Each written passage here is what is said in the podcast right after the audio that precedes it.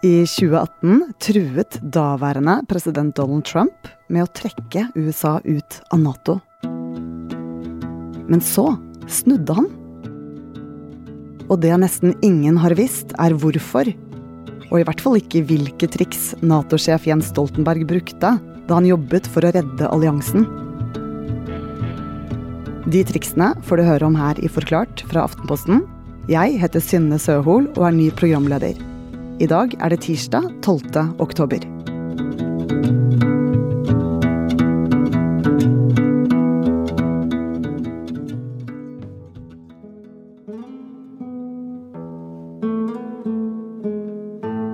Nato-sjefen Jens Stoltenberg trakk nok pusten dypt mens produsenten på Fox News telte ned sekundene før han skulle på. Joining me now is Jens Stoltenberg. He's the Secretary General of NATO. Mr. Secretary General, thanks for being with us today. Thank you for having me. Want to talk about NATO and, and spending it all. For Stoltenberg var nemlig redd for hva USAs president Donald Trump kunne finne på. Derfor hadde Stoltenberg tatt med seg en helt spesiell beskjed til presidentens favorittkanal. Det kommer vi tilbake til. Først er det greit å vite hvorfor Jens Stoltenberg ville møte opp hos Fox News i det hele tatt. Mange av Trumps grunnleggende holdninger, som f.eks. at europeiske land har utnyttet USA, de strekker seg egentlig ganske langt tilbake i tid. Men første gang verden får øynene opp for Trumps sånn, intense misnøye med Nato, det er i den amerikanske valgkampen til presidentvalget i, i 2016. Da kalte han Nato overflødig, og han sa litt sånn nonsjalant at hvis Nato bryter sammen, så bryter Nato sammen. Øystein Kløvstad Langberg, du er USA-korrespondent for Aftenposten. Og helt konkret, hva var Trump misfornøyd med? Nei, Trumps hovedinnvending mot Nato har hele tiden vært at han mener at USA tar en altfor stor del av regningen for forsvaret av Europa. Eh, og det er han ikke alene om. altså, altså Barack Obama, Trumps forgjenger, mente det samme. Eh, og faktisk, da Obama var president i 2014, så ble Nato-landene enige om et sånt pengemål de ble enige om å bruke minst 2% av bruttonasjonalproduktet, altså størrelsen på økonomien, på, på, forsvar. Og USA brukte allerede langt mer enn dette på forsvar, men kun noen få land i Europa var i nærheten av 2% Og så var det nok sånn at mange land i Europa ikke oppfattet at dette var et sånt veldig bindende mål. Hvis man ser på vedtaket, så var faktisk ordlyden sånn at de skulle jobbe for å bevege seg mot 2 men Donald Trump så helt annerledes på det. Og den irritasjonen til Trump den skal ha bygget seg opp over tid, særlig frem mot et Nato-toppmøte i 2018 i Brussel. Hvordan er stemningen i USA sin delegasjon da? Altså, egentlig hele tiden så har Trump sendt litt sånn blandede signaler om Nato utad. På én side så sier han eh, flere ganger at USA står ved sine Nato-forpliktelser, at han liker Nato, men så fortsetter han å kritisere alliansen. Og så lekker det stadig ut saker fra Det hvite hus om at Trump leker med tanken på å trekke USA ut av Nato. Jo, noe som jo ville vært liksom en sikkerhetspolitisk bombe i verden. Og før dette toppmøtet, da, i 2018, så skal Trump flere ganger ha spurt rådgiverne sine rett ut uh, om hvorfor USA bare ikke forlater Nato fullt og helt. Det akkurat det siste kommer frem i, i boka til John Bolton, som var presidentens nasjonale sikkerhetsrådgiver da, den gangen, tilbake i 2018. Men så idet presidentens fly Air Force One lander på flyplassen i Brussel disse varme sommerdagene i juli 2018, så er usikkerheten stor i hele Nato om hva Trump kommer til å gjøre.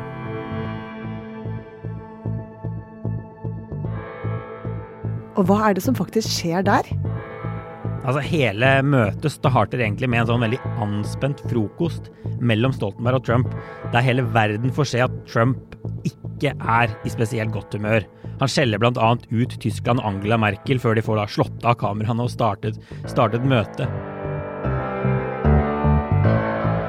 Og Dagen etter så skal alliansen egentlig ha et møte om Ukraina og Georgia, to sånne partnerland til Nato, men så tar Trump ordet han har noe helt annet på hjertet enn Ukraina og Georgia, eh, og presidenten setter i gang med det som omtales som en tordentale.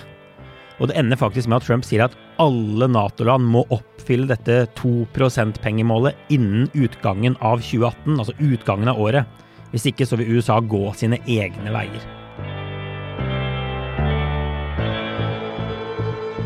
Og jeg har snakket med en tidligere Nato-diplomat som sier at det var en sånn følelse i rommet at de sto helt på kanten av stupet da Donald Trump holdt denne talen sin. Og jeg har også snakket med en forsker som slår fast at toppmøtet var nær ved å kollapse. Og det var da Jens Stoltenberg gjorde noe veldig lurt.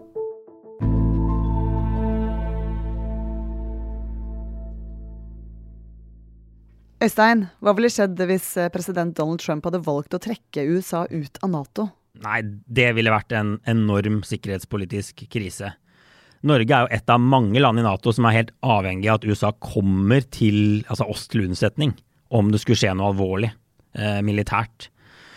Men når det er sagt, så, så, ville Trump neppe kunne trekke USA ut av Nato formelt på egen hånd. Altså For å gjøre det så trenger han Kongressens støtte. Og hvis man ser på de som sitter i Kongressen, så er oppslutningen om Nato kjempesterk. Både blant demokratene og blant republikanerne.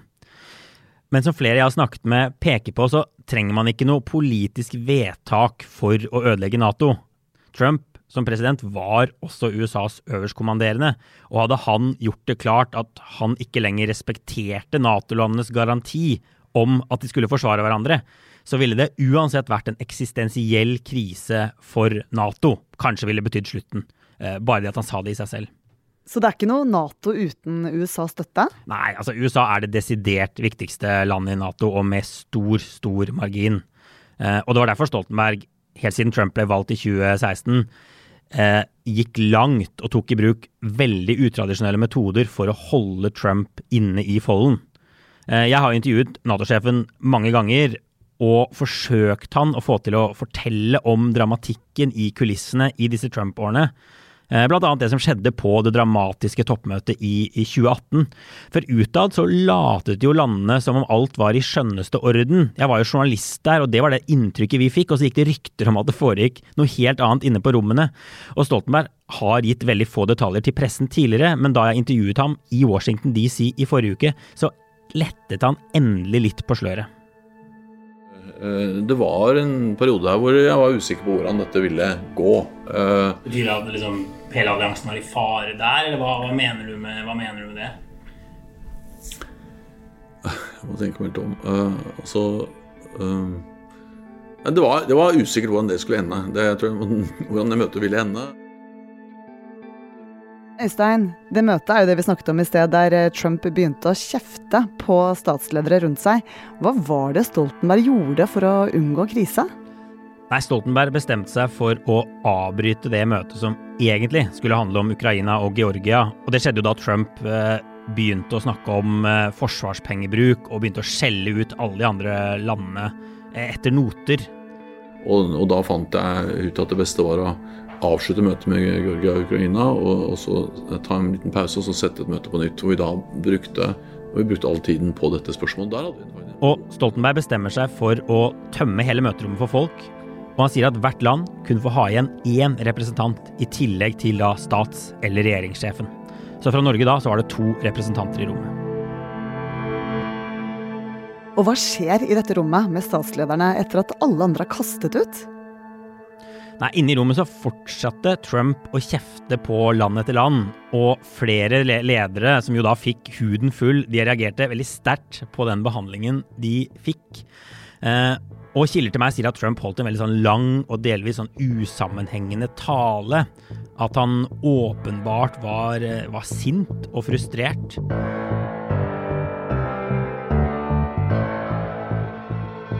Men det viste seg også da at Stoltenberg ved å gjøre dette, ved å avbryte det andre møtet og samle disse lederne i rommet, hadde fått det inn i et format som lot seg håndtere bedre.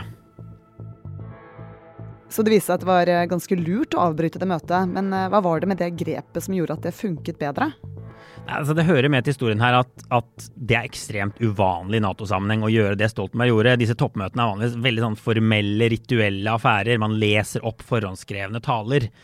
Men Stoltenbergs grep ga lederne muligheten til å diskutere akkurat det Trump hadde på hjertet, da, og ikke Ukraina og Georgia, og de fikk snakke helt uten manus.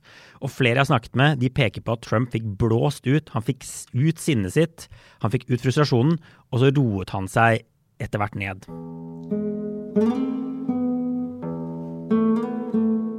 På sin måte hadde Stoltenberg avverget en krise i Nato.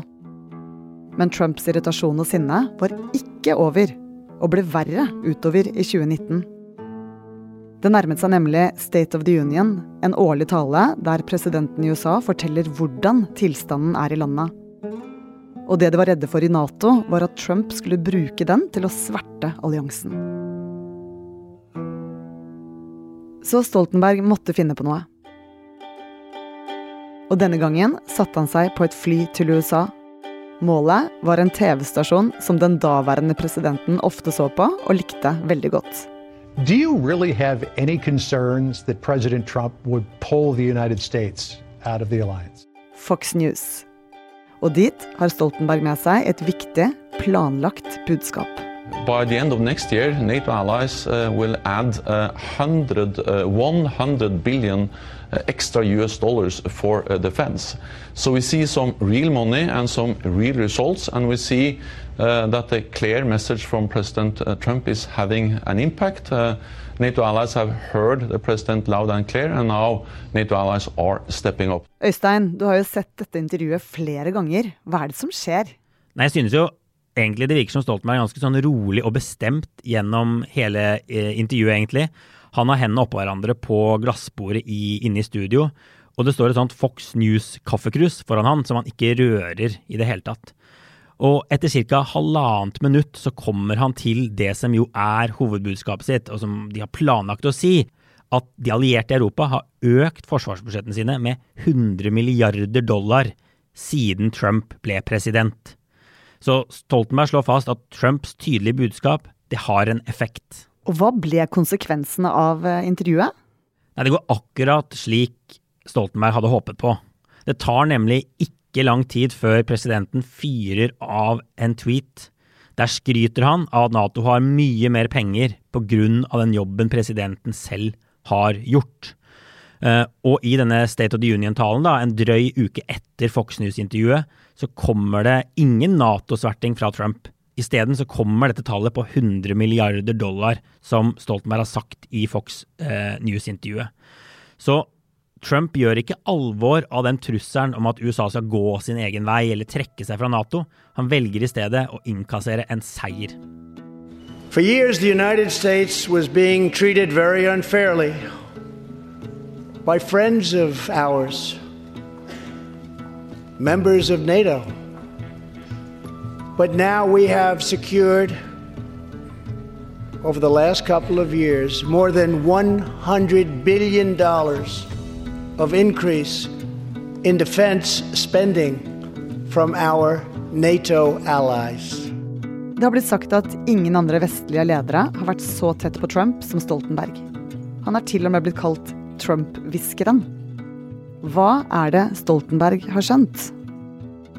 Altså, jeg intervjuet nylig Leonard Skytte, en, en, forsker ved universitetet i Maastricht, som har skrevet en forskningsartikkel om Stoltenbergs håndtering av disse Trump-årene. Og han mener da at nøkkelen ligger i at Stoltenberg la sitt eget ego til side og ga Trump all ære da, der han kunne. Så Skytter mener at Stoltenberg spilte åpent på presidentens selvopptatthet. Han sier det var flaut å se på, men det fungerte utmerket. Så det vil si at Stoltenberg sin eh, strategi har funket? Ja, og han gjorde jo egentlig ganske mye annet også. Vi har nevnt denne turen til Fox News, vi har nevnt at han avbrøt toppmøtet i Brussel, og vi har nevnt at han regnet seg frem til dette store og veldig fine runde tallet på 100 milliarder dollar som Trump kunne bruke. Og I tillegg så vet vi nå at de laget masse sånne enkle grafer som de presenterte for presidenten, med et budskap da som ikke var til å, ta feil av. Det var rødt før Trump tok over, og så ble det grønt, og Europa brukte nå mer på forsvar. Og I tillegg så vet vi at Russland var et betent tema med Trump. Han skrøt jo av Putin flere ganger, og det gjorde mange land i Nato litt sånn bekymra for hva Trump egentlig mente om Russland. Og nå har det kommet frem at de på Nato-hovedkvarteret forsøkte å holde Russland-saker unna Trumps radar. Vi ser også at Stoltenberg sjelden snakket om Russland foran Trump. Så alt dette var jo en del av en stor strategi for å holde Trump inne i Nato. Og hva har det betydd for Nato og Europa at Stoltenberg har fått til eh, Trump? Altså Det finnes jo kritikere i Europa som mener at Nato-sjefen gikk for langt i sine omfavnelser og sin ros av Trump. Men Stoltenberg forsvarer det, og jeg tror det virker som han lever ok med at noen er litt kritiske til det. fordi For Stoltenberg var det én ting som gjaldt fra den dagen Trump ble valgt, og det var å sørge for å holde USA inne i varmen i Nato. Alt annet enn det ville vært en katastrofe og fått enorme internasjonale etterdønninger. Og så gikk det jo. De klarte å holde Trump inne, kanskje med nød og neppe, og det blir nok en viktig del av Stoltenbergs ettermæle.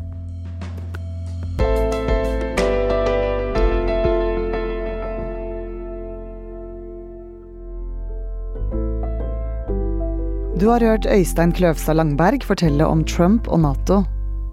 Det er Andreas Bokkefoss, Fride Næss Nonstad, Anne Lindholm og jeg, Synne Søhol, som har laget denne episoden.